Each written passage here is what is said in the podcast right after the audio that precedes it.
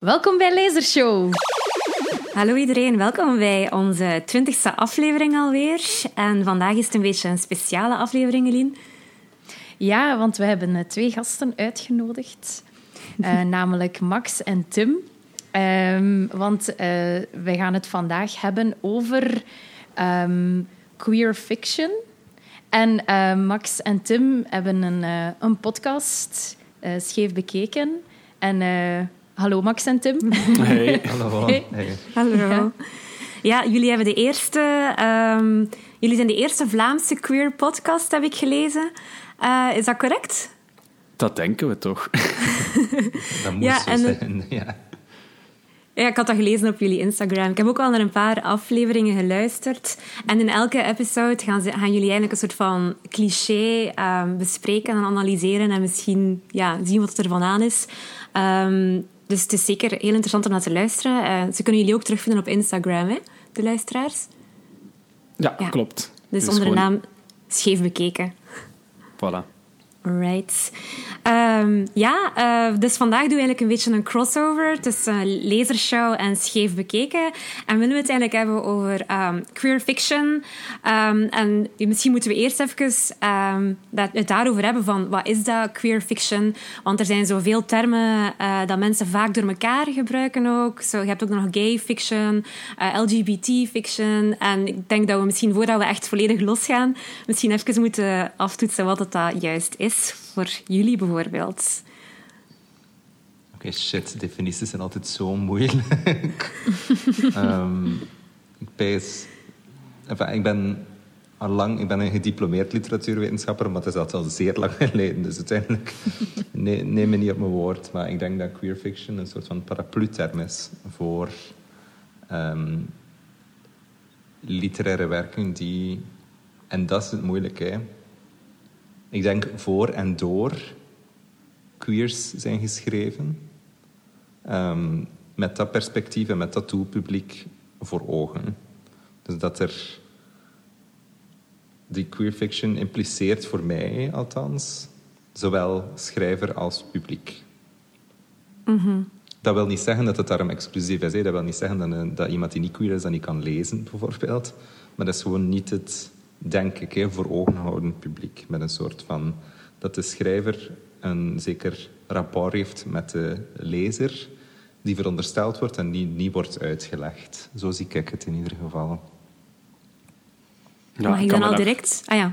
Mag ik al direct een vraagje stellen? Sorry, ik had Max. ook al een vraag. Ja. Pauline, doe... Nee, nee, doe maar. Doe maar. Uh, ik zal het gewoon even stellen en dan, Max, kan je er misschien op inpikken. Het is een boek dat niet geschreven is door iemand die zich uh, identificeert als LGBT... Um, maar dat wel gaat over bijvoorbeeld een topic, um, ja, zoals dat je net zei, Tim. Bijvoorbeeld, ik zeg nu maar, um, de AIDS-crisis. dat is dan volgens jou geen queer fiction?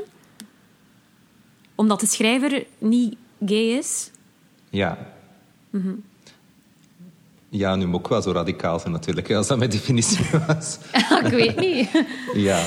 Ik vind dat. Okay. Maar dat is geen waardeoordeel. Hè. Dat is natuurlijk geen waardeoordeel. Hè. Dat, is een, dat is een soort van definitie. Um, um, maar misschien heeft Max daar een andere... Enfin, ik ben redelijk radicaal daarin, maar misschien, ik denk dat Max misschien iets anders voor ogen heeft. Ja, ik ben, daar, ik denk ik inderdaad iets minder radicaal in om echt zo te gaan delineëren. Um, maar je merkt soms wel wanneer dat iets doorlevender is dan wanneer het door iemand geschreven is die zelf queer is. Maar bijvoorbeeld, en we gaan het later nog over dat boek hebben, The Great Believers van Rebecca Mackay. Als je dat leest, dan merk je wel dat daar gewoon enorm veel research achter zit. Dat zij met de juiste mensen heeft gesproken uh, om die verhalen te brengen. Dus allee, ik wil zeker niet zo ver gaan om te zeggen, die mensen hebben geen recht om dat te schrijven. Uh, tuurlijk kan, kunt je discussiëren over aan wie komen die verhalen toe en, en wie gaat er dan uiteindelijk ja, bijvoorbeeld economisch profiteren van, van ja, de verkoop van zo'n boek? Um, op wiens kap is dat? Daar, ja, daar vallen gesprekken over te voeren, maar ik vind niet dat iemand dan de, facto, de facto niet het recht heeft om zo'n verhaal te vertellen. Um, maar dat heb ik niet gezegd, hè? Nee, nee, nee, nee, nee ik weet het, maar ik ben al even... van een, van een genre. Ja. Dus allee, voor mij mag ze zijn boeken schrijven dat ze wilt, maar ik ja. vind dat uh, als je op zoek gaat naar een definitie van een genre, is dat ook per definitie uitsluitend natuurlijk. Hè. Het- Ja, het- ja, ik was al aan het uitbreiden naar appropriation enzovoort. Maar Ja, dat zo, ja, zo Ja, zou ja, dat ja. ik het niet. Nee, Ja. ja. Ja, ja dat houden het bij debat de wordt, definitie. eh, is, is heel levend eh, en actueel. En, ja. Ja, interessant. Ik wou eigenlijk dezelfde vraag stellen als Pauline, dus daarmee is die ook beantwoord. Ja, ik stelde, ik stelde gewoon die vraag. ehm, ook omdat er is zo'n boek dat mijn leerlingen vaak lezen. eh, The Perks of Being a Wallflower eh, bij Steven Chbosky.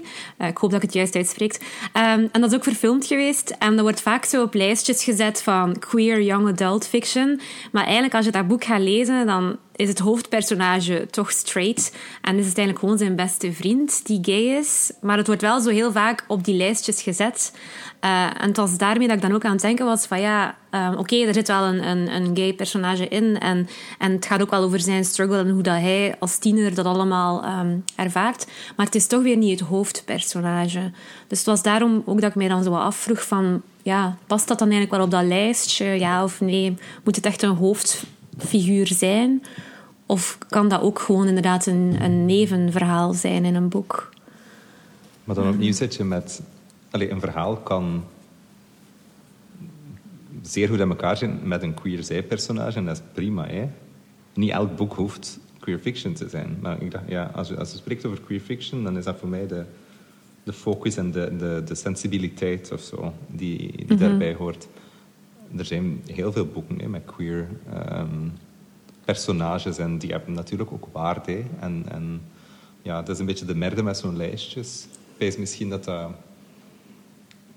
voor jongeren misschien iets toegankelijker is of zo. Wanneer dat er een, een queer zijpersonage is, dan hoeft het, dat is niet zo on the nose. En misschien is dat, ik weet niet, een, een kleinere drempel of zo, om daarmee gezien te worden, weet ik veel. Ken je het van die tienerschaamte, van ik wil niet gezien worden met een homoboek, en dan is het geen homoboek, maar er zit wel een... Ken je het? Zoiets. En dat is prima, hè. Ja. Dat Ja. marcheert ook.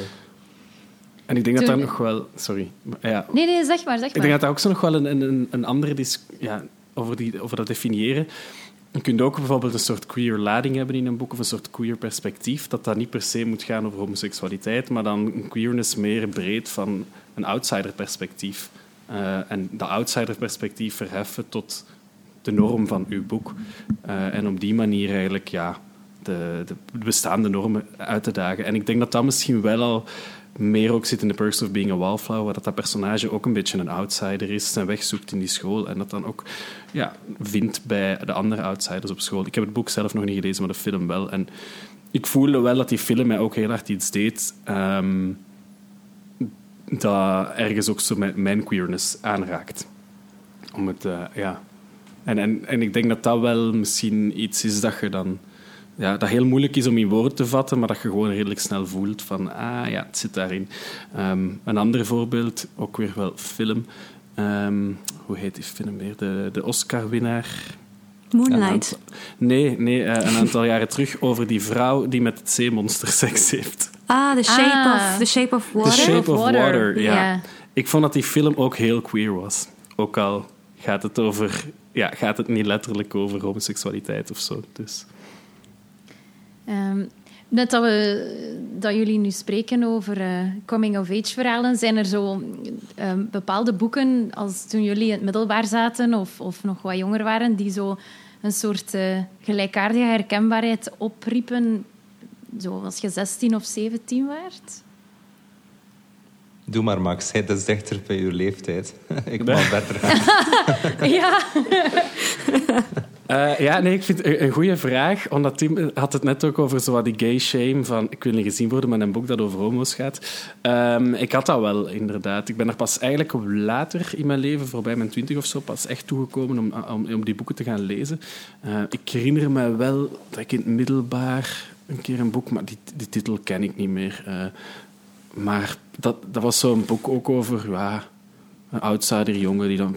Alleen zo'n heel typisch coming-of-age verhaal. Maar dat deed mij eigenlijk op dat moment niet veel. Ik kon me er niet in herkennen. Ehm, en misschien omdat ik er gewoon nog niet helemaal klaar voor was om me daar volledig in, in te herkennen of zo. Ehm, maar ik weet wel dat ik op dat moment... eh, ik was als tiener een, een grote manga-lezer. Dus Japanse stripverhalen. En daar is ook een heel subgenre van homoseksuele verhalen. Maar voor een vrouwelijk doelpubliek. Ehm op een of andere manier is dat big in Japan bij jonge meisjes om, om gay verhalen te lezen, terwijl dat homoseksualiteit in de Japanse maatschappij is totaal niet aanvaard. Dus dat, ja, dat is een heel rare paradox. Ehm, omdat het niet aanvaard is, wordt het dan geromantiseerd. Ehm, en waardoor het zoiets exotisch heeft voor jonge meisjes om, zich dan, om, om bij te gaan swoenen. Maar die verhalen zijn... dat is kei raar. Dat is heel raar, inderdaad. Ik begrijp het ook nog altijd niet helemaal, maar je kunt daar ongetwijfeld uh, interessante academische studies over vinden. Um, maar die, die verhalen waren ook zo heel stereotyp met dan een soort uh, een mannelijk personage dat wij dan zouden zeggen dat is, dat is de top. En dan zo'n heel vrouwelijk personage, um, zou je dan zeggen de, de, de bottom. En in het Japans was het de, de seme en de uke. Maar ik weet niet meer hoe dat het, uh, wie dat wat is. Um, maar die verhalen, dat was ook ja, dat waren echt zo fantasieën. Dat waren zo romance novels. En homoseksualiteit was daar ook nooit een, een, um, een probleem, waardoor dat misschien wel iets escapistisch had, maar daardoor was het ook nooit herkenbaar. Dus ik keek daar dan wel naar, maar ik raakte er ook nooit helemaal in toe, omdat ik, ik kon me er zelf totaal niet mee identificeren. Um, maar ik, allee, ik merk dat ik er dan zo wel ergens naar op zoek was, maar het toch niet helemaal vond. Uh, en nu ben ik aan het denken, wanneer heb ik het dan wel gevonden? heb je het al gevonden? Ja, heb ik het al gevonden. Ondertussen heb ik een boekenrek vol, dus ja. Ik herinner me nog zeer goed, uh, dat was in het vierde middelbaar. Nee, derde, derde. Wauw, zo goed herinner ik me precies ook weer niet meer. Maar derde middelbaar. Um, en van zo'n leeslijst. En homoseksualiteit, was met al die top, maatschappelijke topics, hè, kent je het? Uh, en ik had het boek van over homo's gekozen. En dat was Dagen van de Bluegrass Liefde. Ja, echt een... Het is geen een boek, maar die titel is me wel bijgebleven. En dat heb ik dan gelezen, dat herinner ik me nog, zeer goed. Um, en ik heb Grieks en Latijn gedaan. En dan... Ik was verliefd op Catullus, zo'n een, een, een dichter. ik was er dan zot van. En dan ik weet niet meer hoe dat, dat kwam, maar ik ging heel veel naar de bibliotheek. Ik ging wekelijks naar de bibliotheek en ik nam daar al de, zeer veel boeken mee. En er was ene vertaler die um, veel Grieks en Latijn heeft vertaald, uh, Paul Klaas. Uh, en die had ook Rimbaud vertaald um, uit het Frans. En, dan, en dat was allemaal pre-Wikipedia en al van die dingen. Dus dat was allemaal van die knipselmatten uit de bibliotheek. Um, en dan heb ik alles van Rimbaud gelezen. En dat was ook een homo. Um, dat was dus in het tweede middelbaar. Het tweede en derde middelbaar ben ik dan echt alles van Rimbaud beginnen lezen.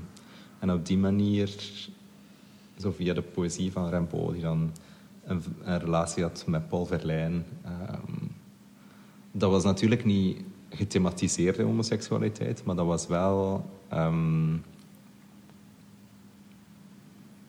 ja, zeer queer natuurlijk door, door de manier waarop de Rimbaud um, taal omkeerde en, en, en ermee speelde en, en een compleet eigen leven leidde. Um, en dat gecombineerd met allerlei verhalen over Grieks en Latijn en die Latijnse dichters. En ik was er allemaal zo zot van. Dus het, was, heeft, denk ik, zeer lang geduurd. Pas toen ik op Erasmus was, denk ik, eer dat ik um, homoseksualiteit als thema en als, als, als uitgangspunt of zo heb leren kennen.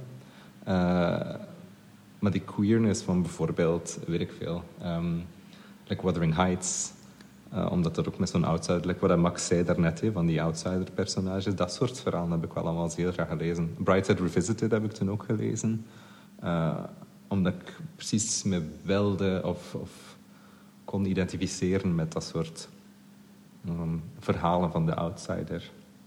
Hmm. En dus zeker de homoseksuele sensibiliteit of zo. Ik had het gevoel dat, dat ik dat begreep. Dat dat, dat, dat, dat mij, allee, dat dat mij aansprak op, op een dieper niveau. ja, pubers. Ja.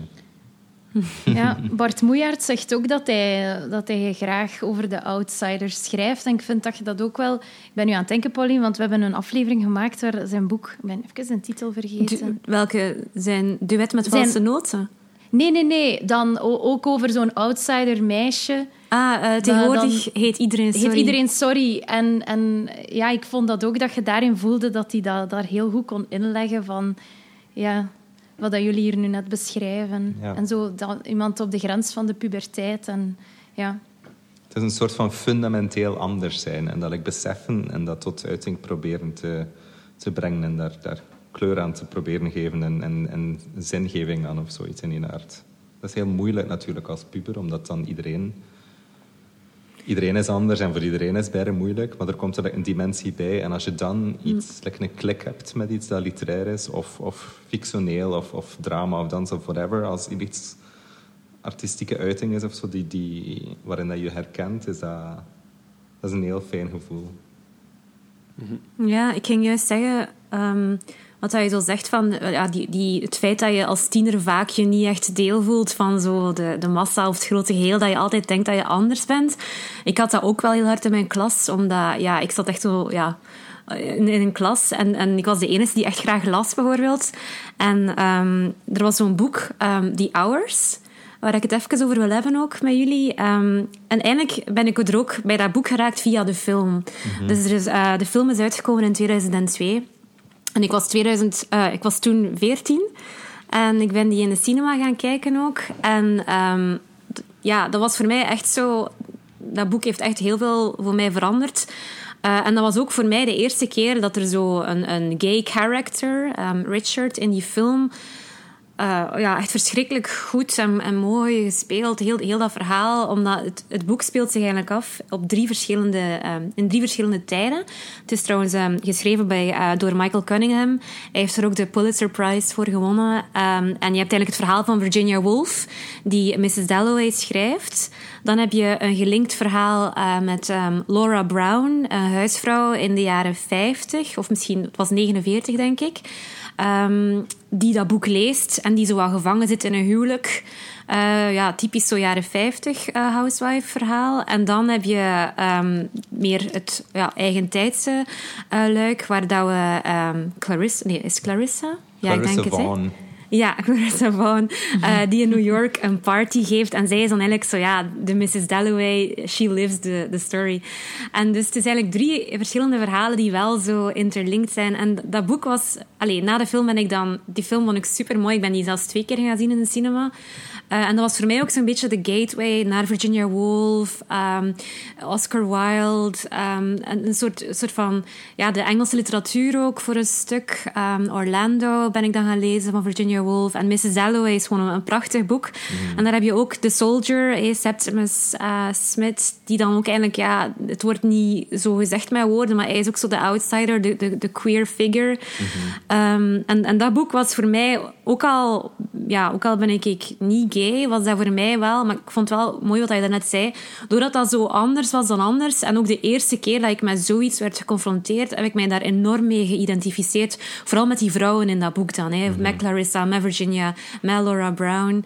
Ehm, en dat is voor mij nog altijd een heel belangrijk boek. Ehm, het staat ook ter voorbereiding van deze podcast ben ik even voor mijn boekenkast gaan staan. En heb ik even al de boeken eruit gehaald. De boeken die ik nog altijd heb, zijn de boeken die ik echt wil houden, die echt iets voor mij betekenen.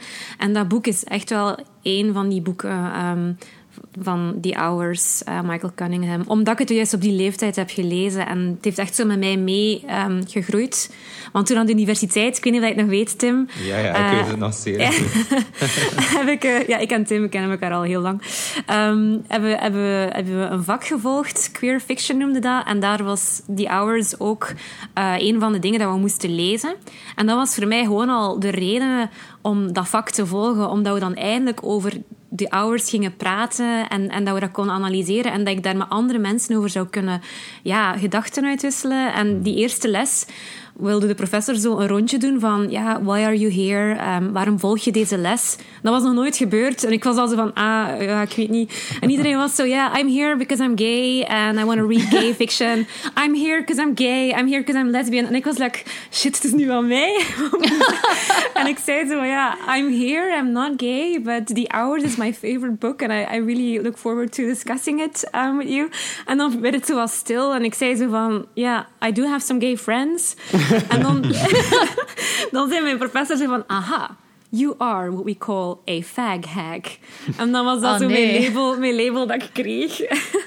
dus bij deze anekdote. Het is een boek dat heel veel fases van mijn leven heeft. heeft zowel aan, zo in high school als aan de universiteit. Ehm, en nu nog altijd. Ik denk, naarmate dat je ouder wordt, lees je het ook anders. En, en lees je er andere dingen in. Want ik heb het nu herlezen voor de podcast. En het heeft mij weer enorm geraakt. Maar heel anders, denk ik, dan toen ik tiener was. Ja, Ja, het is gewoon een boek, hè. het is echt mooi. Ik heb het pas vorige zomer, afgelopen zomer, voor het eerst gelezen. Eh, maar ik, ik geraakte er niet in toe, terwijl ik eigenlijk wel een grote Michael Cunningham-fan ben, hoor. Eh, Ja? Maar ik heb wel Mrs. Dalloway van Virginia Woolf zelf ook nog niet gelezen, dus heel de dubbele bodem. Ik weet wel waar het over gaat, maar heel de intertextualiteit of whatever... ehm, haal ik er dan natuurlijk minder, minder makkelijk uit. En ik denk dat ik ook gewoon niet in de stemming was om op dat moment dat boek te lezen. Het was zo iets te melancholisch en down voor mij. ehm, dat ik op dat moment niet kon... Ja, niet helemaal eh, kon... kon mij, uh, mij laten gaan of zo. Maar ik heb wel Michael Cunningham, eh, is een aantal jaar terug in Leuven geweest, ook voor eh, een gesprek in het Wagenhuis. En dat was dan ook met Trixie Whitley, die op dat moment nog helemaal niet zo bekend was, deed dan zo de muziek ertussen. En ik herinner me wel dat dat, dat was echt een magische avond. Ehm, die werd toen geïnterviewd door Ortwin de Graaf, professor literatuur aan eh, de KUL. En dat was echt een heel, heel sterk interview. Want ik had op dat moment nog niks gelezen van Michael Cunningham. Eh, een vriend van mij had gezegd van, ah, kom er mee. Oké, ça va.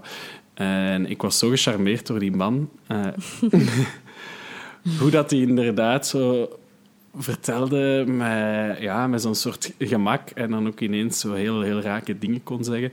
Dan die muziek van Trixie Whitley daarbij was dan ook... Die, ja, die twee die hadden dan ook meteen zo'n rapport, omdat ze allebei vanuit New York kwamen. eh, wat ook wel tof was om te zien. En, ehm, dan ben ik wel zijn boeken beginnen lezen. Flesh and Blood heb ik gelezen. ehm, A Home at the End of the World, die ik echt heel mooi vond. Oh, over die, ja. ja, dat is dan over een driehoeksverhouding tussen uh, een homo-man, biseksuele man en, uh, en dan hun vriendin. En, en dan zouden ze dan samen een kind krijgen, maar hoe... Allee, uh, ik ga niet te veel verklappen. um, en, wel, ja, en hij heeft ook een reisboek over Provincetown. En Provincetown is een beetje zoals Fire Island, zo een soort gay destination in de VS. Um, een strand waar, waar ja, waar dat de gays naartoe gaan in de zomer en poepen in de duinen. Maar hij schrijft daar zo mooi over dat je echt sindsdien... Ja, ik wil, heel, ik wil eigenlijk liever eens naar Provincetown gaan dan naar Fire Island, gewoon door dat boek. Ah ja.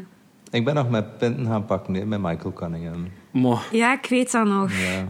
En ik heb zelf een brief geschreven, lol. Fanboy. Ja. Maar dat is wel echt, dat is een crazy verhaal, Tim. Want ik weet dat hij was, ik denk dat moet dezelfde tijd geweest zijn, Max, toen dat hij naar Leuven kwam, dat hij ook naar. Brussel is geweest, in Passaporta. En ik en Tim waren, we waren daar naartoe geweest. En dan, ik was daarna naar huis gegaan en opeens kreeg, kreeg ik onze s'avonds een sms, of ik weet niet, een message van Tim.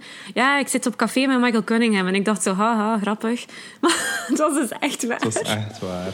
Maar het was wel zo'n beetje een sisser, vond ik. Want er was zo een bijna serieuze kerel bij die de hele tijd bleef doorgaan en niet stopte met doorgaan. En ik wilde gewoon lekker flirten en lekker naar bed met Michael Cunningham. Dat Ja, was net ik plan met corona.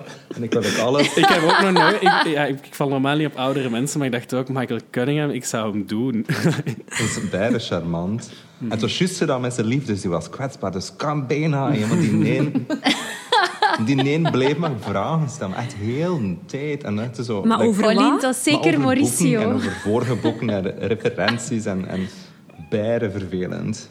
Ik dacht, allee, ik wil ook een keer iets zeggen over, over zijn schone ogen bijvoorbeeld. Over Ja. hoe dat ik naar New York was geweest. Ik heb dat allemaal niet gekund. En dan ben ik maar alleen naar huis geweest. Ah. Dus het is niet gelukt. Sorry voor de anticlimax. Maar Maar toch, goed verhaal wel. Ik weet dat hij op de 4th of July, dan zit hij altijd bij een vriend eh, in Provincetown aan een strandhuis. Dus misschien moeten we daar een keer naartoe gaan voor een we moeten naar. B-Town. Ja, ik Ja. ken er nog wel volk. Maar voilà. Gewoon daar eh, even binnen gaan crashen zo. Ik weet dat dat de enige manier is om te doen. Of je wacht totdat hij nog eens naar België komt. Ja, liever naar P-Town. hè. liever naar daar. Ik kom mee. Alright. Ehm, ja, wacht, we waren bezig over eh die hours. Eh, ja, Eline, wilde jij nog iets zeggen? Ah ja, ik, ik wou misschien iets vragen. Ehm, Uh, vinden jullie dat boeken die bijvoorbeeld oh, 50, 60 jaar geleden geschreven zijn, of gelijk Mrs. Dalloway en zo, en Virginia Woolf, is ook natuurlijk al heel oud, um, dat, dat je voelt dat, dat, de manier waarop dat er geschreven is, dat dat verouderd is en dat je daar dan minder kan mee relaten dan met bijvoorbeeld meer recent werk, omdat het zo misschien in veel meer bedekte termen is of heel voorzichtig geschreven is? Of hebben jullie daar geen... Uh, niet echt last van of kritiek op? Um, er is... Wacht, ik moet dat niet zeggen. Ik lees sowieso niet heel graag recente fictie. Er is iets dat mij eigenlijk aan stoort, aan de, aan de tone of voice, vaak. Ik ben een zeer moeilijke lezer, om echt een vrij lastige mens. Uh, ook in het algemeen, maar ook zeker als het over boeken aankomt. Uh, dus ik, lees veel liever werken als Mrs. Dalloway uh, of oude stukken of oude boeken. Of bijvoorbeeld het werk van James Baldwin. Um, mm. Dat is ook oud, maar dat is, ik weet niet, ik vind dat die mensen echt boeken konden schrijven. En je merkt dat, dat is like zo'n een, een kunst om dat te doen. Dat zit gewoon veel beter in elkaar, dat is beter geschreven. Ik vind dat het genre roman is misschien misschien is dat gedateerd nu of zo. Ik weet het niet. Ik denk dat dat daar mee te maken heeft voor mij dat dat niet meer werkt of zo, of zeer moeilijk werkt. Um, of het wordt te specifiek of zo, I don't know. Maar er is iets aan die, aan die oude meesters dat mij zo ja, gewoon veel meer aanspreekt. Uh, maar ja, tegelijkertijd. Eigenlijk is dat een stom antwoord. Hè. Maar vind je dan dat misschien in de, zo de 21ste eeuwse literatuur dat de, de zelfbewustheid enorm groot is? En dat er dan dat som, sommige dingen wat navelstaarderig worden of zo. Ik weet niet. Dat vind ik wel soms bij zo hedendaagse romans, dat dat dan heel... Ja, ik weet niet. Dat, ik kan, kan moeilijk nu een voorbeeld geven, want zo dat het zo neurotische, op, zelfstaar, navelstaarderige iets is dat misschien lezers uh, afschrikt of zegt van... Pff, ik ja. wil wat een, eh, een breder perspectief. Of, uh... Ja, misschien zijn het een beetje te veel ego-documenten of zo. Dat ik dan denk ja, van, ja, wel, wat, ja, wat ik daar nu mee? Maar aan de andere kant natuurlijk ook... Allee, queer fiction zijn vaak ook ego-documenten. En dat gaat over het, over het, ontdekken van het taal en zo van die dingen. En misschien was Virginia Woolf ook gewoon veel beter daarin dan, dan hedendaagse schrijvers dat kan. Hè. Fax is zo goed. Ah, dat is zo mooi. Dat is je kan eigenlijk niemand, niemand vergelijken maar. Ik kan niet, ik kan niet zeggen van er is één schrijver, of allez, contemporary of terug in het verleden. Ik kan echt gewoon niemand op haar, um, op haar niveau zetten of zo. James um, Baldwin vind ik wel echt ook zeer goed. Mm. Dat heeft mij echt van mijn sokken geblazen. Zeg ik zeg zijn naam toch was juist, ja. Ik ja. mis altijd ja. met Giovanni's Room. En dan denk ik van, shit, is nu James... Giovanni's James. Baldwin of James Brown? ik mis altijd, het is James Baldwin. Ja, ik vind... Ja, ja, ja. Maar ik vind... Ja. ja. Nee, ik vind, ik vind bijvoorbeeld Giovanni's Room of um, ben even aan het, ja, Single Man van uh, Christopher Isherwood of andere boeken die inderdaad al 40, 50 jaar geleden of 60 jaar geleden geschreven zijn. Voor mij was dat inderdaad wel een revelatie net hoe herkenbaar dat die nog zijn. Um, want ik had inderdaad gedacht dat dat misschien een beetje ja, ouderwet zou zijn of bedekt. En inderdaad, bepaalde termen of bepaalde manieren van het aanbrengen voelt je wel als van die een tijd. Maar dat vind ik ook weer leuk om te ontdekken. Maar eh, eh, de, de fond vind ik... Allez, ja, ik vind het echt wel schrikken hoe fel dat de fond nog hetzelfde is.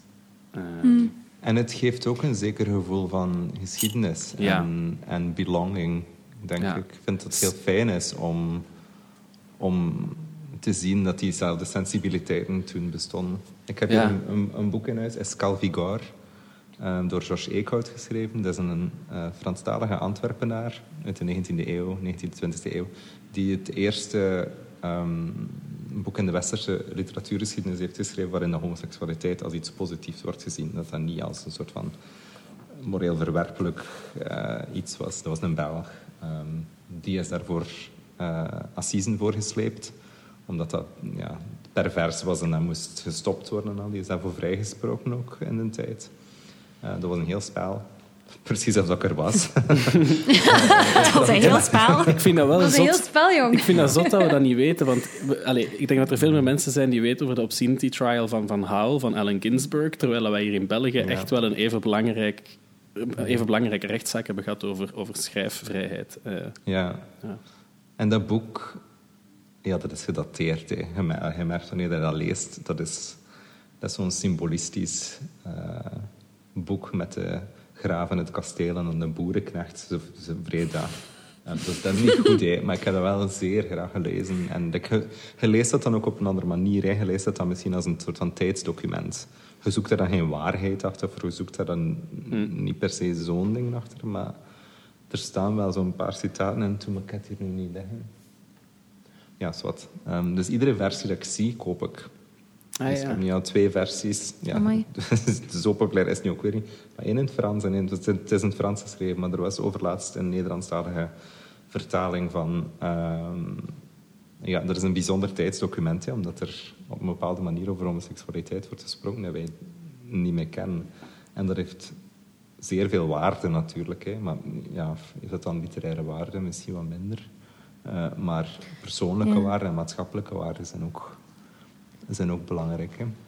Ja, en ook bijvoorbeeld, allee, wat ik geweldig vind in Giovanni's Room, is zo die... Om even terug naar James Baldwin te gaan, met die, die, die smoezelige barretjes in Parijs. Eh, hoe dat hij dat beschrijft, brengt het ook wel heel dichtbij. En hoe dat we dan tegelijk nog altijd wel zo van die smoezelige gay bars hebben. Ze zijn nu wel aan- meer en meer aan het verdwijnen. Maar dat je dan inderdaad merkt van, ah, er is echt een geschiedenis van achteraf barretjes. Ehm, ja, vind ik cool om te, ontdekken.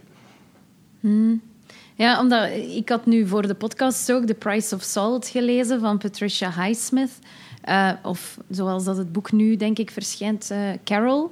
En dat is ook in 1952 uitgekomen. En zij schrijft over een, eh, een lesbische relatie tussen een jonge vrouw van 19, Therese, en Carol, dan een, een huisvrouw uit New Jersey van, ik denk ergens halverwege de 30, die ook net eh, wil scheiden.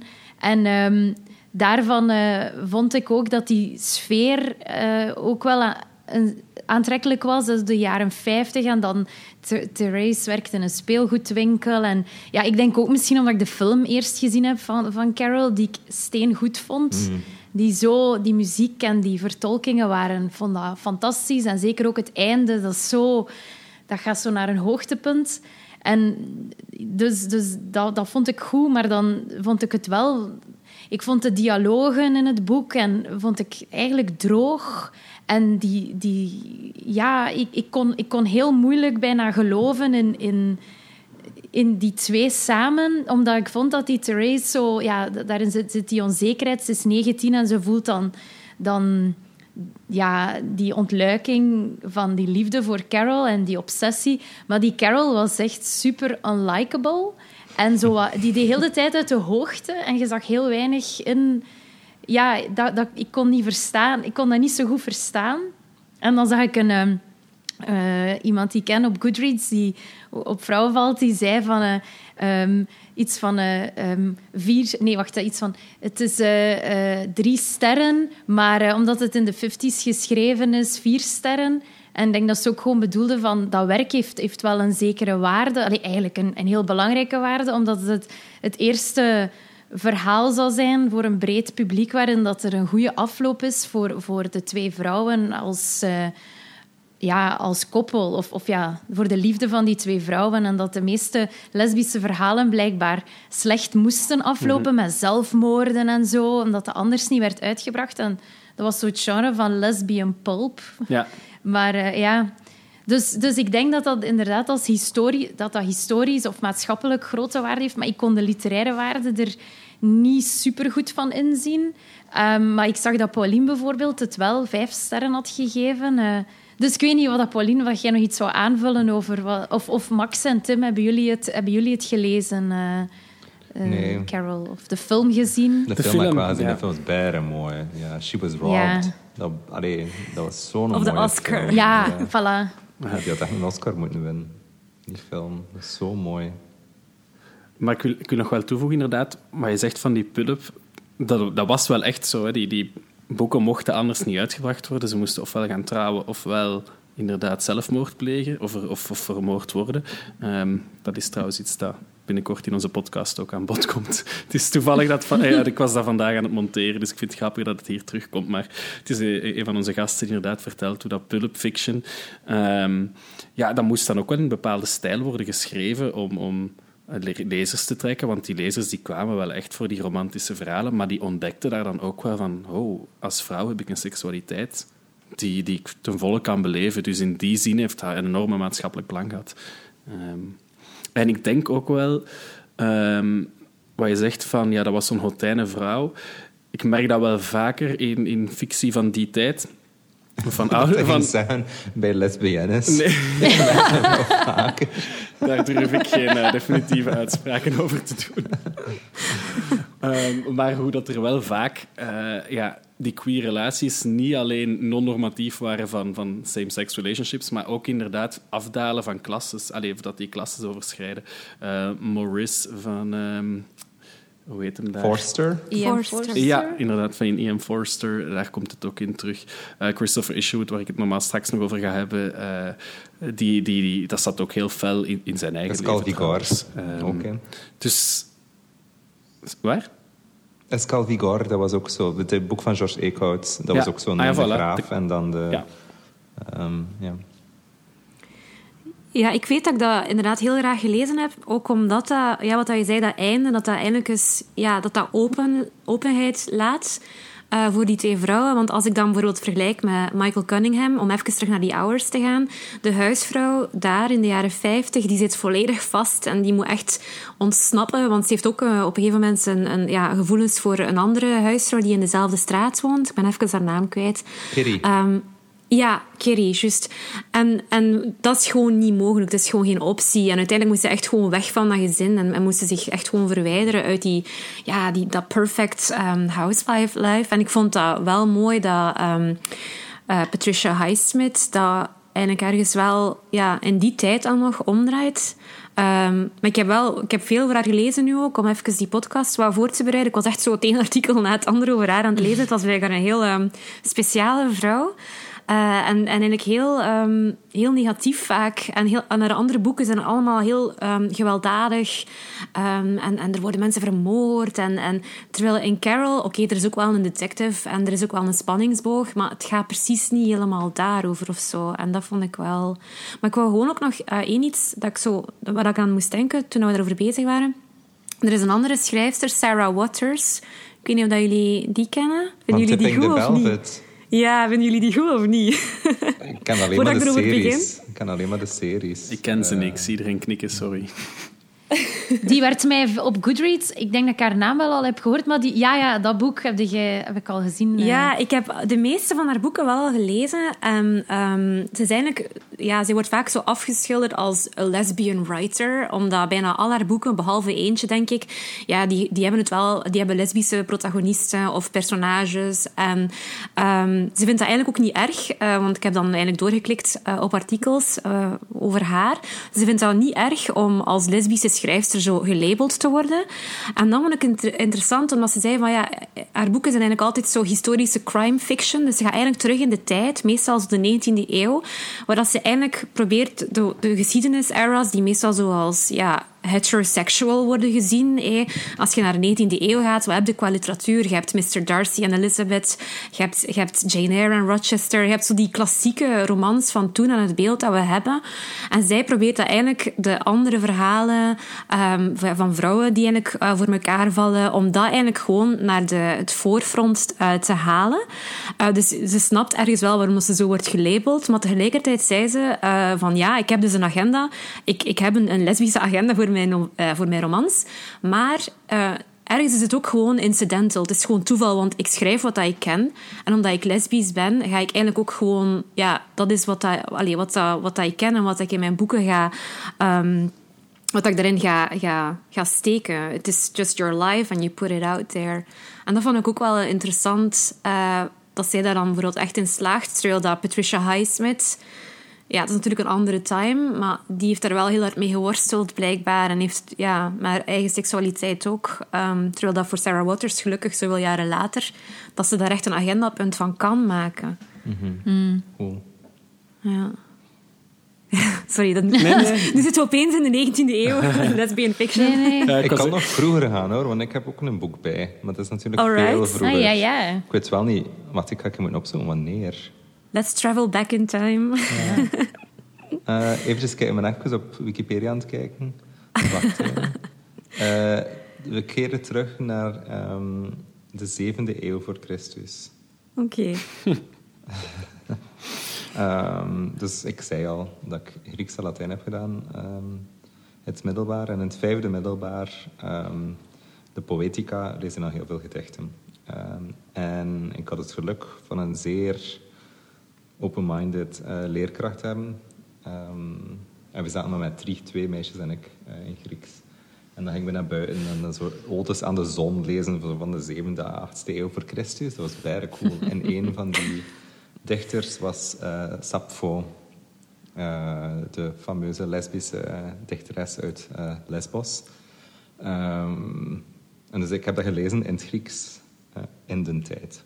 Ehm, en er was een gedicht, Ode aan Aphrodite, dat de tijd heeft verstaan, dus dat is overleefd. En dat is een, gedicht waarin dat, eh, de dichteres, ehm, Aphrodite, de godin van de liefde, vraagt voor hulp ehm, naar unrequited love, van liefde die niet beantwoord wordt.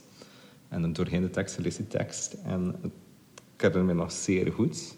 Eh, ik wist niet wie dat Sappho was. En dat werd ook niet zo geïntroduceerd. En dus je gaat die tekst af en je denkt van ja, het gaat over liefde die niet beantwoord was. Dus ja, gaat er, de default is, het gaat over een man. En dan is er op een gegeven moment in lijn 24 een woord, etheloisa.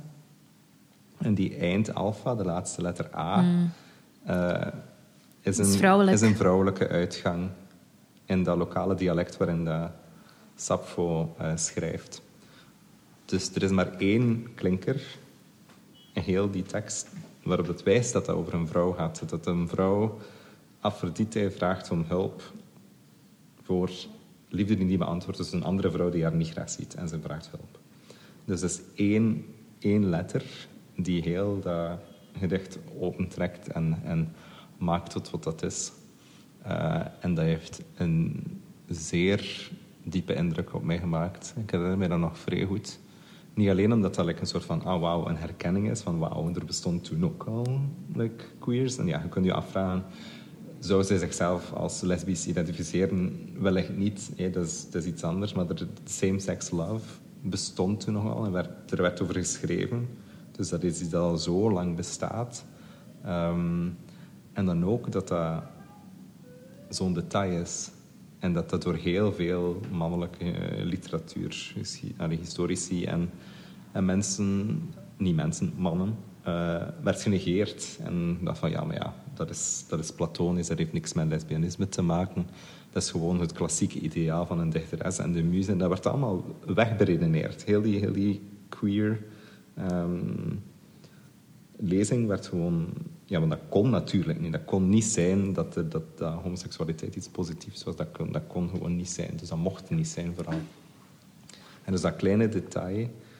In die, in die ene alfa zit er zoveel essentieel. Vandaar dat ik dat wilde, meegeven vandaag. Dat er is een element van herkenning, maar er is ook het gevaar van anonimiteit. En als, als je het niet ziet, gaat het niet weten. Hè? Want ja, die teksten zijn zodanig oud. Dus en dus veel mensen lezen dat in overleveringen en in vertaling. Als er daar niet aan wordt gedacht, wordt de zij op rap een hij en is het gedaan. Hè? Met Sappho als queer.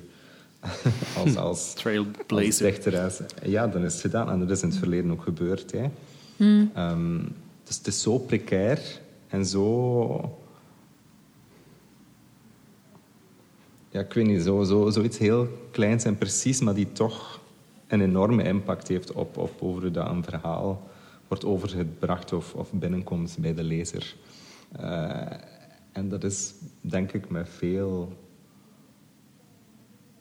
mensen die, of, of queer mensen die iets lezen, ehm, waarin er dan plotseling een queer personage in voorkomt of, of, een, of een queer verhaallijn. ehm, dat zijn de subtiliteiten die daarin zitten. Die, maar ik kan, ik kan me natuurlijk niet verplaatsen in u, of in u en Eline. Dus ik weet natuurlijk niet of dat, dat zo uniek is. Hè.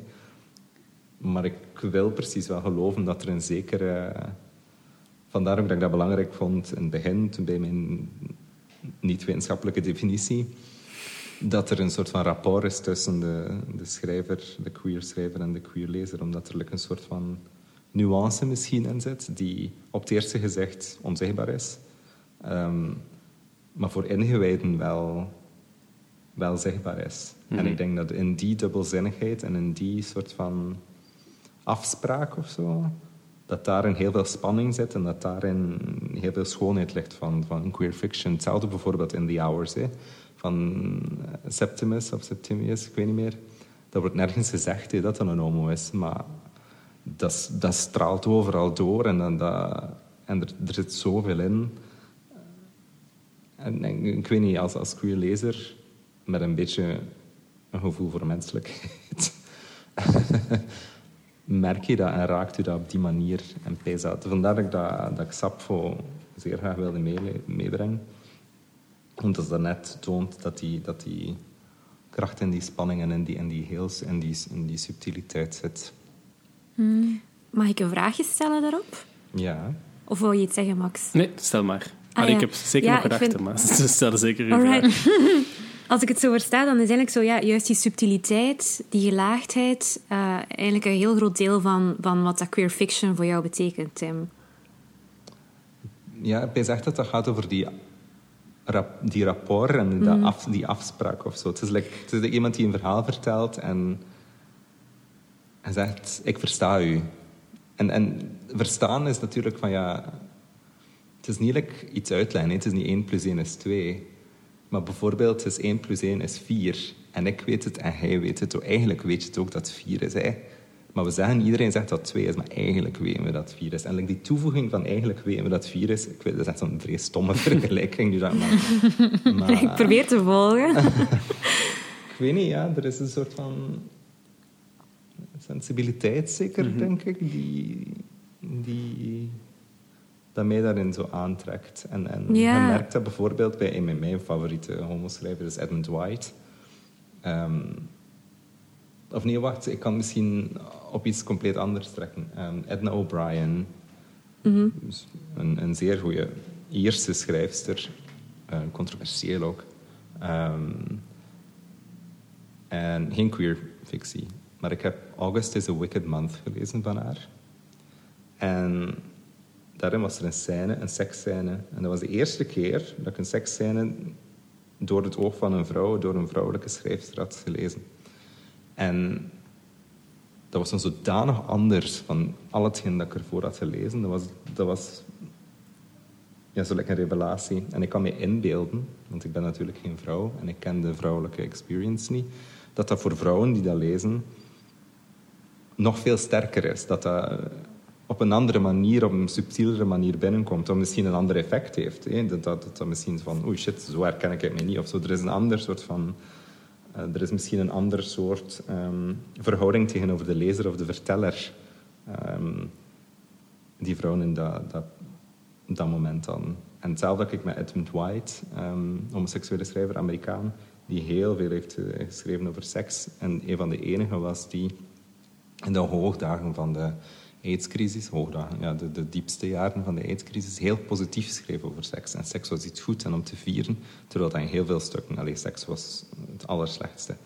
En er zit iets in die boeken, en vaak is het autobiographical fiction ook, maar net in die subtiliteit over... over want het is, ja, het is niet subtiel wat dat hij schrijft over seks natuurlijk, maar de, de boodschap en waarom en het politieke programma achter dat schrijven over seks heeft mij zo geraakt en heeft mij zo... Ik voelde mij heel... eh, ik herkende mij daar heel hard in. En er was een soort van... Ik, ik wist wat hij wilde zeggen. Of ik begreep wat hij wilde zeggen. En ik denk dat dat begrip op een andere manier is dan wanneer dat een, een lesbische vrouw dat leest of wanneer dat een heteroseksuele man of vrouw dat leest. Er, er kan natuurlijk ook begrip bestaan. Hè. En ik zeg niet dat die, dat die ervaring exclusief is. Maar ik denk wel dat er een soort van gedeelde ervaring is, zeg maar. En dat daardoor de lezing van queer fiction zo belangrijk is voor queers. Omdat je, in, die, ja, in, die in die sfeer van herkenning zit. Ja, maar ik stelde de vraag eigenlijk omdat het deed mij zo denken aan iets dat we ooit al eens besproken hebben. Ik denk in een of andere WhatsApp-conversation. Want omdat tijden echt wel zo veranderd zijn. En ik, ik heb het gevoel dat zo die topics van homoseksualiteit en zo, dat dat echt gewoon voor een stuk al mainstream geworden is. Um, ik denk dat het zelfs ging over die Netflix-serie van The Prom. Dat ik zei tegen u van, ja, ik vind dat, dat ik het zo fantastisch vond, eh, dat, er nu, dat dat nu echt gewoon een serie is waarin dat eigenlijk die, die gayness totaal geen issue meer is en dat, dat eigenlijk iedereen on the side is of the gay character. En dat ik, ik zei Mhm. tegen u van, ik vind dat eigenlijk wel goed, eh, zeker dan met het gedachte aan mijn leerlingen, dat zij zo'n dingen hebben om hun identiteit aan op te hangen, wat dat wij niet hadden in, onze, in, in de jaren Nee, ja, negentig. Dat was gewoon niet. En ik zei van, ik zei zo, ik vond dat goed. Maar jij zei je van, ja, als, als die hele gayness zo mainstream wordt, verliest dat ook de queerness. En het, het, het, het, ja, wat dat je nu eigenlijk aan het uitleggen was, gaat ook voor een stukje verloren. Het was eigenlijk dat dat ik wou vragen. Of dat, of dat je dat... Allee, of, of dat je vindt dat dat een, een beweging is dat we nu meer en meer aan het inzetten zijn, dat, dat queer fiction en, en gay characters en films en, en boeken zodanig mainstream worden dat het u eigenlijk voor een stuk ook verliest en dat je het niet meer... Dat je die extra laag, die 1 plus 1 is 4, dat dat gewoon platgesmeten wordt en dat het u niks meer doet. Dat was gewoon mijn vraag. Maar misschien, het is goed dat je dat aanraakt, denk ik. Want, ik, want en daar komen we weer op, in die definitie terug, is het publiek en het bedoelde publiek. En voor wie is dat verhaal geschreven? En ik denk, ja, gayness kan mainstream zijn. Hè? En dat is bijna tof dat dat mainstream is. En dat heeft zeker waarde. En dat kan een ingangspoort zijn, et cetera. Maar ik vind dat veel dingen die nu worden gemaakt, waarin dat gayness zeer openlijk is, dat dat voor een niet-gay publiek is gemaakt. Wat dat prima is, hè. dat is geen waardeoordeel of zo. Maar je merkt dat gewoon, dat die toon anders zit. De focus ligt misschien anders.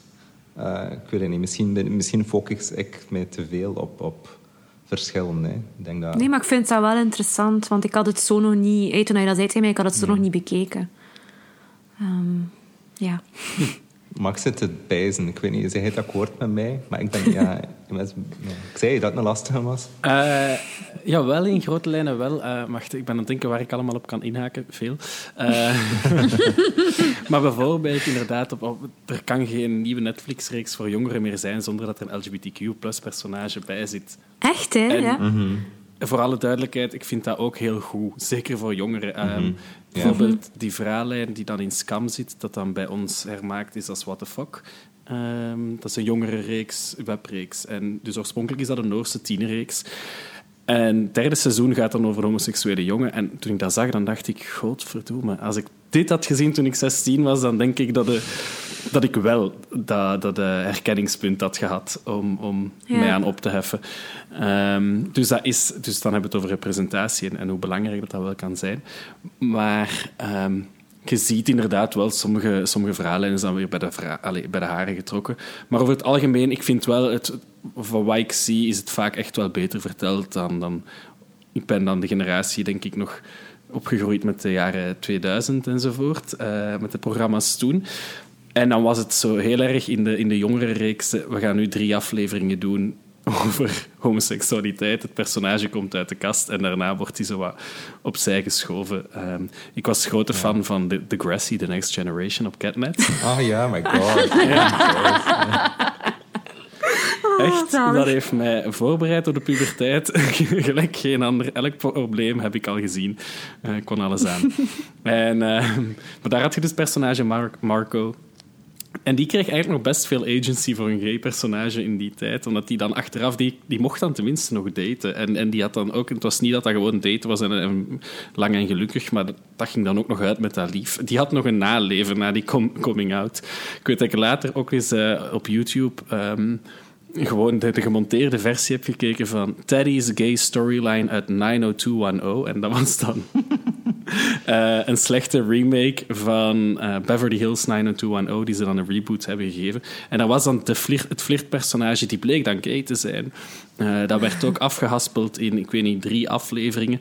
En dat was ook een, een superster-tennisser. En op, op het einde ja, slaat hij ergens een bal, ik weet niet, verkeerd. Dat valt op het hoofd van een andere kerel, die draait zich om. En wow, die hebben oogcontact en ze gaan op een date. En dat is het. Dat is het einde van die zijn verhaallijn.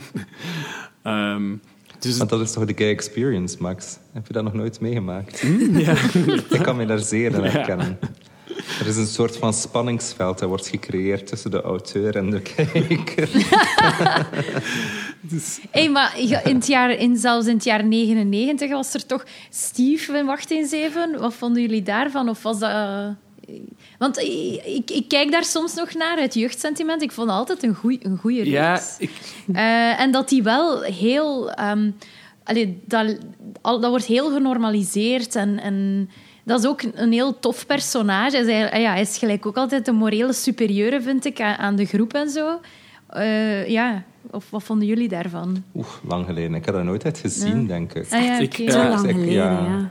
Ik, ik, las, ik las Rambo, hè. Dus, en, en ook je werd niet video's, herkend ik was net echt- aan het kijken.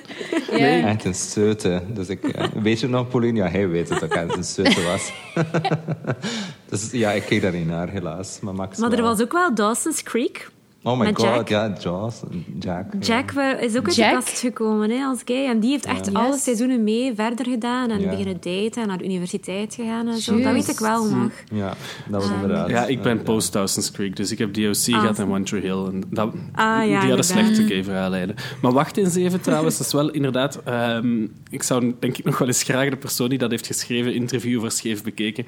Om, omdat dat zeker voor een jongere reeks was dat echt een heel gelaagd personage, Steve. En, in, en genormaliseerd, maar zonder zijn, zijn queerness af te vlakken. Allee, eh, Steve mocht ook unapologetically gay zijn. Die kookte graag. Die, ehm, die zat in een boyband, waar dat hem dan zijn lief had. Maar daar werd ook niet mee gelachen. Die werd ook niet belachelijk gemaakt. En dat vind ik daar wel heel, heel sterk aan, als ik daar nu naar terugkijk. Ehm, en ik heb dat toen ook niet per se gekeken met wow. Dat, allee, ik was denk ik nog te jong om, om, om die lagen daarin te zien of zo. Maar het, het is ook niet een personage, dat, want soms kun je ook onbewust hebben dat dat u raakt en dat je achteraf denkt aan daarom. Dat heb ik wel niet gehad met Steve, maar ik vind dat wel een heel, heel goed voorbeeld hoe dat je zo'n onderwerp bij jongeren kunt brengen zonder die jongeren te onderschatten ook. Eh, en zonder te hard te gaan moraliseren. Ja. Ja. Ja, want ja, dat, dat moraliseren, dat zat er wel bij Dawson's Creek keihard in. Maar misschien moeten we stoppen met over zo van die series Ja, het gaat te over praten. boeken. Sorry. ja, het gaat over Dit boeken, gaat sorry. over boeken. Ja, mag ik... eh, ik, zal, ik zal meteen een single man erbij halen, goed? Yes, please, Ja. a single man. Ehm, is trouwens verfilmd. He was robbed. Daar had hij zijn een Oscar voor moeten winnen, Colin Firth. Colin Firth of Ja. Julianne Moore? Colin Firth. Julian Moore. Sorry. Heel, mooi, heel mooie Ja. film. Eh, maar ik ga het dus over het boek hebben. Hè. Ehm, nee, dus, dus, dus het is geschreven door Christopher Isherwood. En ik denk eh, dat Isherwood zo'n beetje... eh, wat Edmund White is voor Tim, is Isherwood voor mij of zo. Zo'n soort eh, literaire father of grandfather. Ehm, Een man is geboren, het is een Engelsman geboren in 1904. Ik zal even rap zo... Is het een, want die heeft wel een cool leven gehad. Die, die is in de jaren 30 is hij verhuisd naar eh, Berlijn om eigenlijk ja, los te breken van zijn soort upper-class eh, omgeving in Engeland. En om daar dan hij is aan W.H. Auden achterna gegaan. Dat was een van zijn beste vrienden. Om daar eigenlijk te, Oh. gaan, eh, te gaan poepen met de Berlijnse jongens. Waar dat de Oh. zeden wat losser waren. Ehm, en daar komt dus ook wel terug wat we daarnet zeiden, hè, dat, eh, dat afdalen van die maatschappelijke ladder. Ja, dat, in Berlijn, ze hadden het geld, eh, het Engelse geld. Daar in Berlijn was iedereen arm, dus het was heel goedkoop. Dus je kon daar gewoon alle bars afschuimen. Heel veel jongeren daar waren ook best arm, prostitueerden zich. En ja, zij lieten zich, allez, zij gingen zich daar wel goed aan te buiten en profiteerden daar dan denk ik ook wel van. Ehm, en nodigden dan ook al hun vrienden om af te komen, want dat was een zo'n soort eh, literaire club. Steven Spender zit daar ook in, geloof ik. Ehm, die dan allemaal ja, in Berlijn een beetje hun, hun eh, hoe zeg je gay mecca gingen vieren. Eh, en, en dat zit heel erg ook terug in de, in de subtekst van zijn, van zijn boek The Burning Stories. Want hij mocht toen nog niet openlijk schrijven.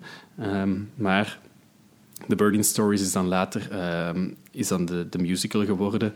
Eh allee, waarom kan Cabaret. Cabaret. Cabaret met Liza Minnelli. Met ja. Ah. Inderdaad. En in de verfilming hebben ze dan de gay subtekst wel ver, allee, verhoffen en hebben ze het er wel uitgehaald. Maar als je dat boek leest, is dat zo duidelijk dat dat hoofdpersonage gay is. Ehm, maar dat heeft ook weer te maken met wat Tim zei over zo die... ehm, die sensibility. Want het wordt inderdaad niet letterlijk gezegd, maar als, queer reader, ik denk hier dat elke lezer het wel zou doorhebben, maar je kweekt wel zo'n soort spier om, om, om dat te ontdekken of die dubbele bodem te zien. En, en Isherwood is, is een geboren observator. Ik denk I am a camera is, is van de Burning Stories zo'n soort iconische zin. Ehm, en hij is inderdaad van, van nature uit een outsider die... Ehm, observeert. En ik denk dat dat wel een fundamentele queer experience is, doordat je tot soort outsider-figuur eh, wordt gedwongen. En doordat je eigenlijk ook heel fel leert om, om te doen alsof en met codes te spelen, doorziet je ook zo'n beetje de charade dat sociale contacten vaak zijn. Snap je wat ik bedoel? Dat, ja. Dus, dus alle sociale conventies leert je eigenlijk veel sneller doorzien, of op jongere leeftijd doorzien. Wat ook maakt, denk ik, dat, uh, dat queer mensen vaak ook misschien goede schrijvers zijn of goede kunstenaars. Omdat zij dingen op een jonge leeftijd gedwongen zijn om te, om te doorzien. Um, alleszins, dat vind, ik, dat vind ik het leuke aan Christopher Isherwood, is hoe dat hij heel veel zo intermenselijke contacten kan, kan neerschrijven, doorzien en er een beetje ook de humor vaak uh, in kan zien. En dat zit dan eigenlijk ook in, een single man boek waar ik het eigenlijk nog over wil hebben. Um, en dat is geschreven in de jaren uh, eh, 50, geloof ik. Eind jaren 50, uitgekomen in de jaren 60. En dat is eigenlijk... Is, ik denk dat het zijn eerste boek is waar hij echt openlijk homoseksueel uh, schreef. Dus het gaat over George, die zijn vriend heeft verloren in een auto-ongeluk. En het volgt hem een dag in zijn leven wanneer dat hij volop in dat rouwproces zit. Um, en beschrijft super mooi zo die stemming wanneer dat je leven op losse schroeven is gekomen. En dat al je dagen zo wat, ja, dat je zo een beetje in die, in die waas zit van rouw en dat, en dat je weinig richting hebt, maar dat je dagen dan ook heel manisch kunnen zijn, want hij staat op en die eerste bladzijden zijn echt prachtig en zijn ook super mooi verfilmd. Hoe dat, allee, dat, ik denk Tom Ford heeft dat heel, heel letterlijk naar beeld kunnen vertalen, heel mooi. Maar hij staat op en hij, en hij wordt zich bewust. En ineens zijpelt weer dat, die bewustwording in van, ah ja, Jim is er niet meer. Ehm, en, en, dat, is zo, dat het begin van zijn dag. En dan, naarmate zijn dag vordert, wordt het onverwacht. Het wordt een goede dag. En, eh, en, en, en, hij, en hij ziet weer uh, het plezier bij momenten. En, en ook dan zijn observaties beginnen dan ook weer uh, vrolijker te worden. Want daarvoor is hem, is hem altijd vrij cynisch en grappig ook. Uh, maar dan naarmate het boek vordert, wordt hem dan wel lyrischer. En, en dat vind ik daar wel... Ja, cool aan dat het enerzijds is het een heel queer verhaal, want George is ook doordrongen van zijn outsider-perspectief, maar het is ook niet de hoofdmoot van het boek. Het is er gewoon onderdeel van, want dat is zijn leven.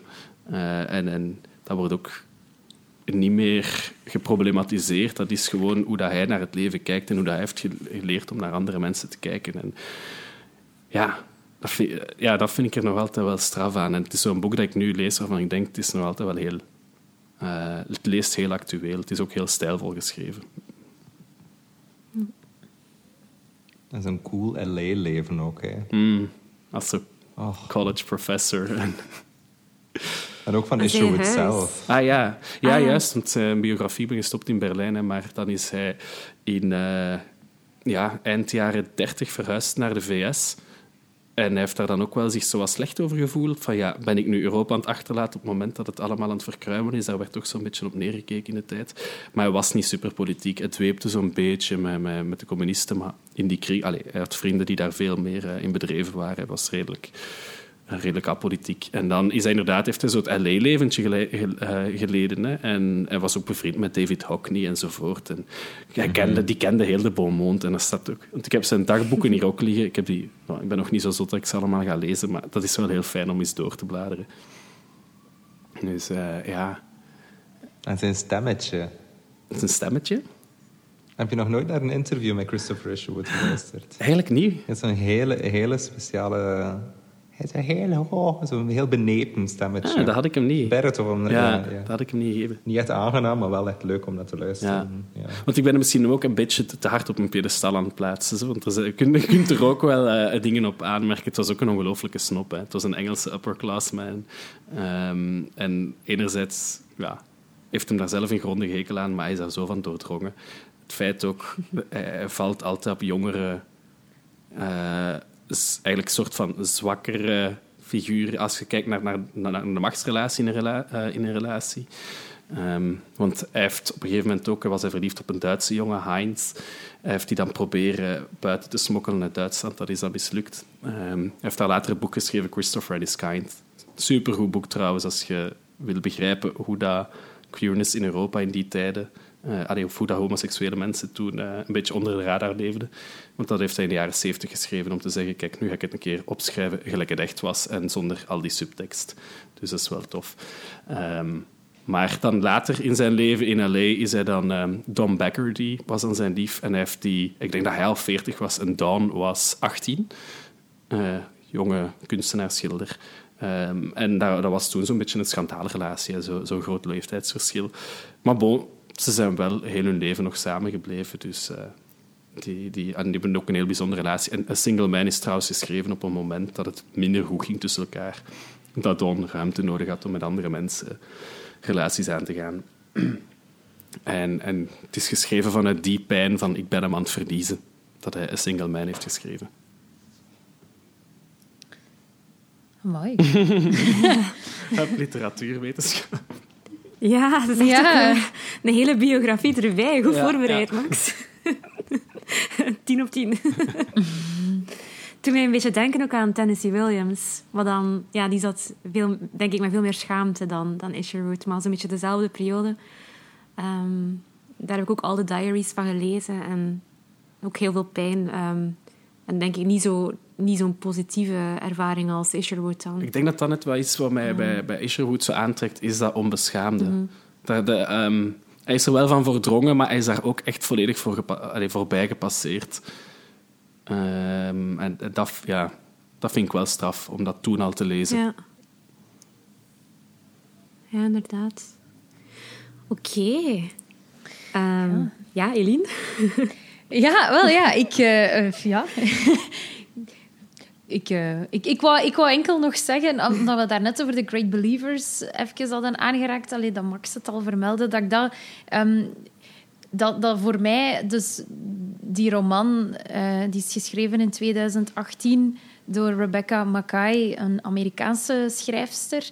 Ehm, en ik, dat boek heeft voor mij echt een, die episode van die AIDS-crisis enorm ehm, ja, bij mij naar binnen gebracht. Zo. Ik, ik vind dat wij hier in, in België en dat, dat, wij daar, dat daar heel weinig over wordt gezegd of geschreven. En, en ja, dan, dan dacht ik, wow, is dit gebeurd? Allee, dat klinkt nu zo naïef, want ik heb, ik heb ook wel wat Dallas Buyers Club ooit gezien. Maar dan zo het feit dat hele vriendengroepen gewoon gedecimeerd werden door dat virus, dat heeft mij enorm geraakt. En, en ehm, ja, dat, omdat, en ik weet niet of dat, dat als queer fiction kan worden beschouwd. Misschien wel, misschien niet. Maar ik vond dat dat wel... eh, dat, dat, dat thema extra... Ja... Dat dat, denk ik voor, hopelijk voor veel mensen misschien dat dichterbij kan brengen van wat, hoe dat, dat was en, en wat dat, dat heeft betekend voor die community. Ik was me daar eigenlijk helemaal niet zo bewust van. Ja. Ja, nee, dat is, dat is interessant. Ik heb echt voorbij twee jaar op een of andere manier heb ik zo'n soort eh AIDS read kick ja, gekregen. Dat klinkt heel verkeerd. Maar ik heb dan ook ja, eh, Rebecca Mackay gelezen, maar dan nog een aantal andere boeken. Maar ik heb de indruk dat er zo momenteel een soort... Maar misschien is het ook omdat ik het nu net allemaal heb gelezen, maar dat er een soort renaissance is van, van die literatuur. Plus dat we dan nu ook nog een pandemie hebben gehad, heeft dat nog versneld. Dat iedereen plots eh Illness and its, Metaf- and its Metaphors van Susan Sontag is beginnen herlezen. Of alles. Allee, iedereen. Eh, enfin. Ehm, maar, maar de- de- het is, en Olivia Lane bijvoorbeeld, The Lonely City, heeft het ook over Ja. hoe dat die vriend, vriendschappen gedecimeerd zijn. Ehm, en zij haalt daar ook Sarah Schulman eh, in aan. Dat is een schrijfster die ook in ACT UP zat. Ehm, en die haar boek Gentrification of the Mind, eh, dat wordt dan onder andere door haar zo'n beetje ehm, opnieuw ontdekt. Maar dat laat wel ook heel veel zien hoe dat, waarom dat die golf misschien nu opkomt. Omdat er een nieuwe generatie dat kan ontdekken. En de oude generatie die wat ook niet meer over spreken, want dat is zo'n gigantisch trauma. Dat zit zoveel pijn. Maar dat ja, een, een, nieuwe generatie wel ontdekt, ja, maar we mogen het niet vergeten. We moeten nu die verhalen opschrijven voor het te laat is. Um, Dus alleen, dat vind ik wel ja, heel interessant. En Sarah Schulman heeft nu ook binnenkort uh, een boek dat uitkomt over ACT UP en de hele geschiedenis ervan. ACT UP is een uh, AIDS-activistengroep uit de VS ja. en met internationale vertakkingen. Ook in, in, Frankrijk, denk ik, was er een ACT UP of is er een ACT UP. Uh, en die hebben heel veel geprotesteerd tegen um, het gebrek aan beleid rond AIDS en HIV in de VS ja. in de jaren 80 en 90. Ja, en ook echt mee aan tafel gaan met de dokters om, om gewoon echt de hele uh, experimenten, experimentele trials en onderzoek te gaan uh, herdefiniëren, heronderzoeken. Die hebben allee, wetenschappelijk ook enorm veel bijgedragen. Ja, ik had dat boek van um, The Great Believers. Ik heb het heel, de laatste tijd, dat je zegt, heel vaak zien passeren op zo'n bookstagram. Uh, en dat veel mensen dat zeiden van, ik wil hier ook, weet je wat jij zei, Lien, ik moet hier meer over weten. Hoe kan dat, dat, dat, dat, dat niet op school zelfs of zo is doorgegeven? Dat dat voor mij gewoon nieuw mm. is. Dat ik ineens daarover lees. En dan waren er echt zo mensen die zeiden van, wie kan mij tips geven? Um, ik. En ik heb dan ook zo dat ene boek... Ja, jij, maar ook dat ene boek van um, The Gifts of the Body... Uh, dat gaat ook daarover. Van Rebecca Brown was dat, denk ik. En dan er was ook een serie, um, The Normal Heart. Ik weet niet of je die ja. hebt gezien, ja. van Ryan Murphy. Vonden jullie die goed of niet? Dat is van een toneelstuk, hè? Van Larry... Larry Kramer. Ja. Hoe weet Larry je? Kramer. Larry Kramer, die onlangs is gestorven, overleden. Hm. Uh, ja. Ja, Berghoe-figuur. Een zeer controversieel figuur ook, hoor. Um, ja. Maar dat is essentieel voor mij. Ik vind dat dat essentiële literatuur en fictie is om, om zeker als om, om dat te lezen. Mm -hmm. Ik weet niet of er in het Nederlandstalige taalgebied daarover veel bestaat. Het uur nul. Oh ja, maar nee, dat is, toch echt, dat is toch echt een Nederlandse...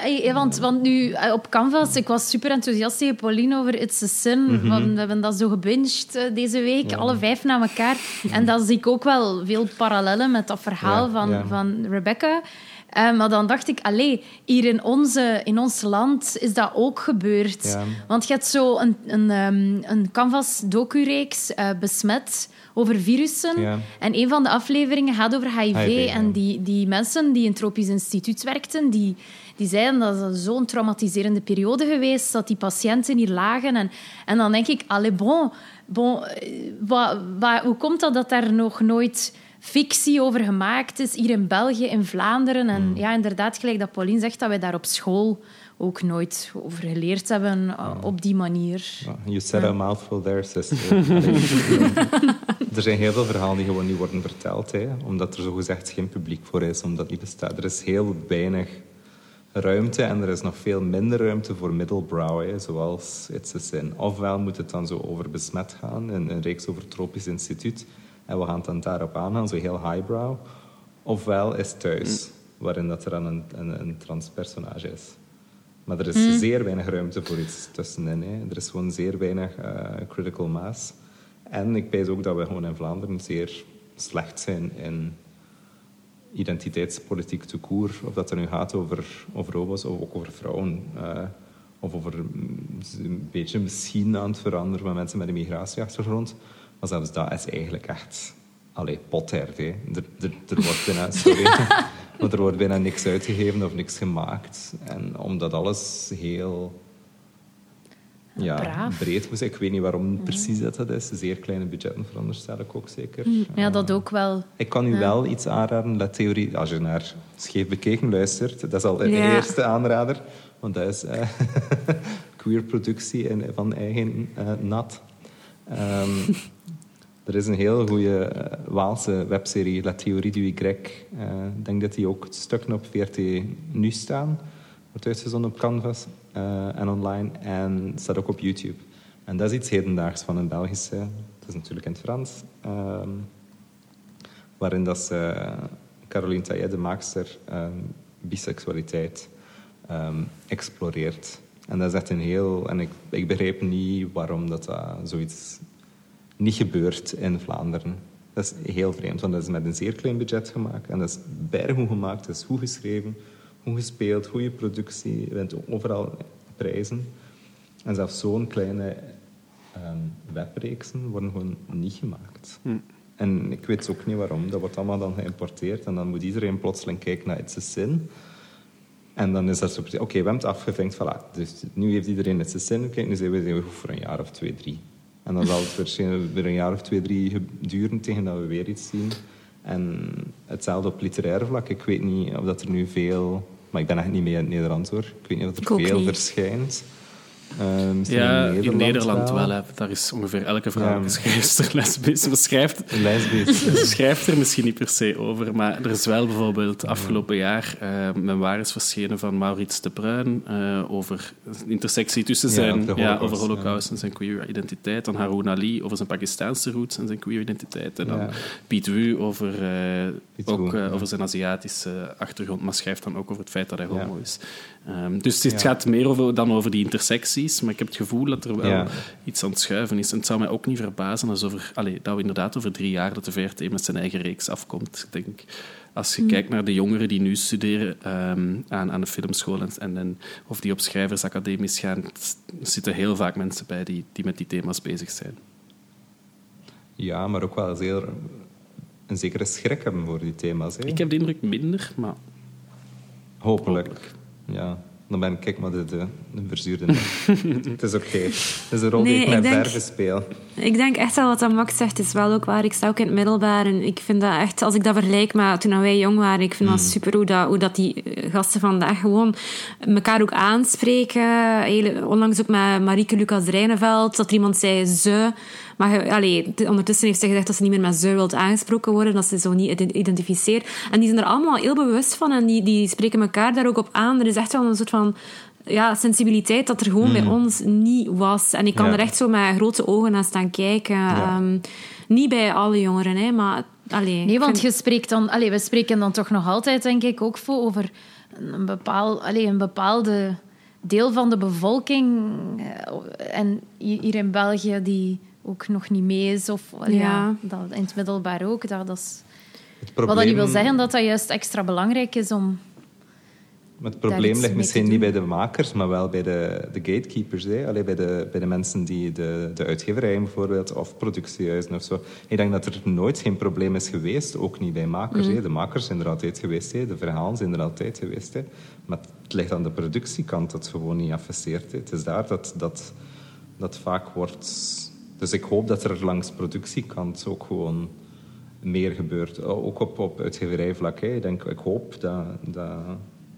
want, want het, is, het het waard. Ehm, het, moet echt gebeuren, omdat er gewoon te veel is dat niet wordt verteld vind ik. Ja. Uh, en er is veel dat wordt verteld, hè, maar er is ook veel dat niet wordt verteld. Of dat nog niet wordt verteld. Ja, en ik denk ook dat dat volledig voor, aan voor mij voorbij gaat. Ik bedoel, ik, ik spreek dan niet... Ik, zo, de transervaring bijvoorbeeld, of de intersectionele ervaring, waar dat er nu veel wordt meegeschreven in, in, Nederland, dat zijn, dat zijn dingen die niet direct in mijn leefwereld zijn, maar die wel heel belangrijk zijn. En dat zijn, zijn verhalen die gewoon verdienen om geëxploreerd te worden. En als dat niet gebeurt in het Nederlandstalige taalgebied, in Vlaanderen, vind ik dat dat een, verarming is.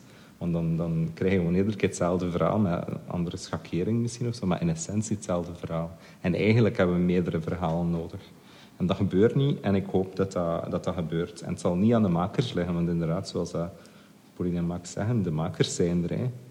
Maar ja, hopelijk uh, luistert er ook een een productie of een uitgeverij.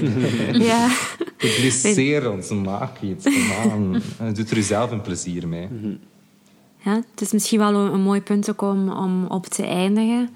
Ja. Um, hoop voor de toekomst. En uh, ja, laten we dan nog het woord aan onze onbekende lezer, die ook zijn favoriete boek gaat voorstellen. Um, en ja, Tim en Max, we willen jullie ook heel graag bedanken om hier tijd voor te maken en hier met ons te babbelen over die boeken die voor jullie veel betekend hebben. Merci, dikke merci. Merci, merci. Graag gedaan. Ja, bedankt. Alright. Goed. Oké. Okay. Tot de volgende keer. Dag. Hallo allemaal. Ik wil eerst en vooral beginnen bij het feit dat ik mij enorm vereerd voel dat ik vandaag de onbekende lezer mag zijn. um, ik ga het hebben over een van mijn favoriete boeken, Simon vs. The Homo Sapiens Agenda. Ik heb die recent moeten lezen voor een boekopdracht van Engels en ik heb er enorm van genoten. Het werd geschreven door Becky Alberti. Ze is een Amerikaanse schrijfster die ook psychologie bestudeerd heeft. En dit is een van haar allereerste boeken. Later hebben ze het ook verfilmd onder de titel Love Simon. En het gaat dus over een 17-jarige jongen die het moeilijk heeft met zijn seksuele geaardheid. Niemand weet het dat hij homoseksueel is, behalve een jongen waarmee hij mails verstuurt onder de pseudoniem Blue. En geleidelijk aan wordt hij verliefd op Blue en probeert hij te achterhalen wie hij in werkelijkheid is. Helaas komt zijn geheim in gevaar, want een van zijn mails valt in de verkeerde handen van een van de klasgenoten die hem later gaat blackmailen. Ik heb enorm genoten van deze boek, want het heeft mij ook enorm geholpen. Ik zelf ben aan het sukkelen met mijn geaardheid. En deze boek is gewoon ideaal om jezelf te accepteren. Het heeft mij geholpen om meer en meer comfortabel te voelen met mijn geaardheid. Om wie ik ben en dat ik me daar niet voor moest schamen. Het heeft me ook gewoon geholpen in het algemeen mij beter te voelen in mijn vel. En ik raad het gewoon aan voor elke jongere die het moeilijk heeft met zijn geaardheid. Gewoon om te kunnen leven over een jongen die het velde doorstaat en hoe dat persoon hiermee omgaat en wat dat de mogelijkheden zijn, is gewoon heel leuk en behulpzaam. Kort gezegd is het gewoon een aanrader voor iedereen.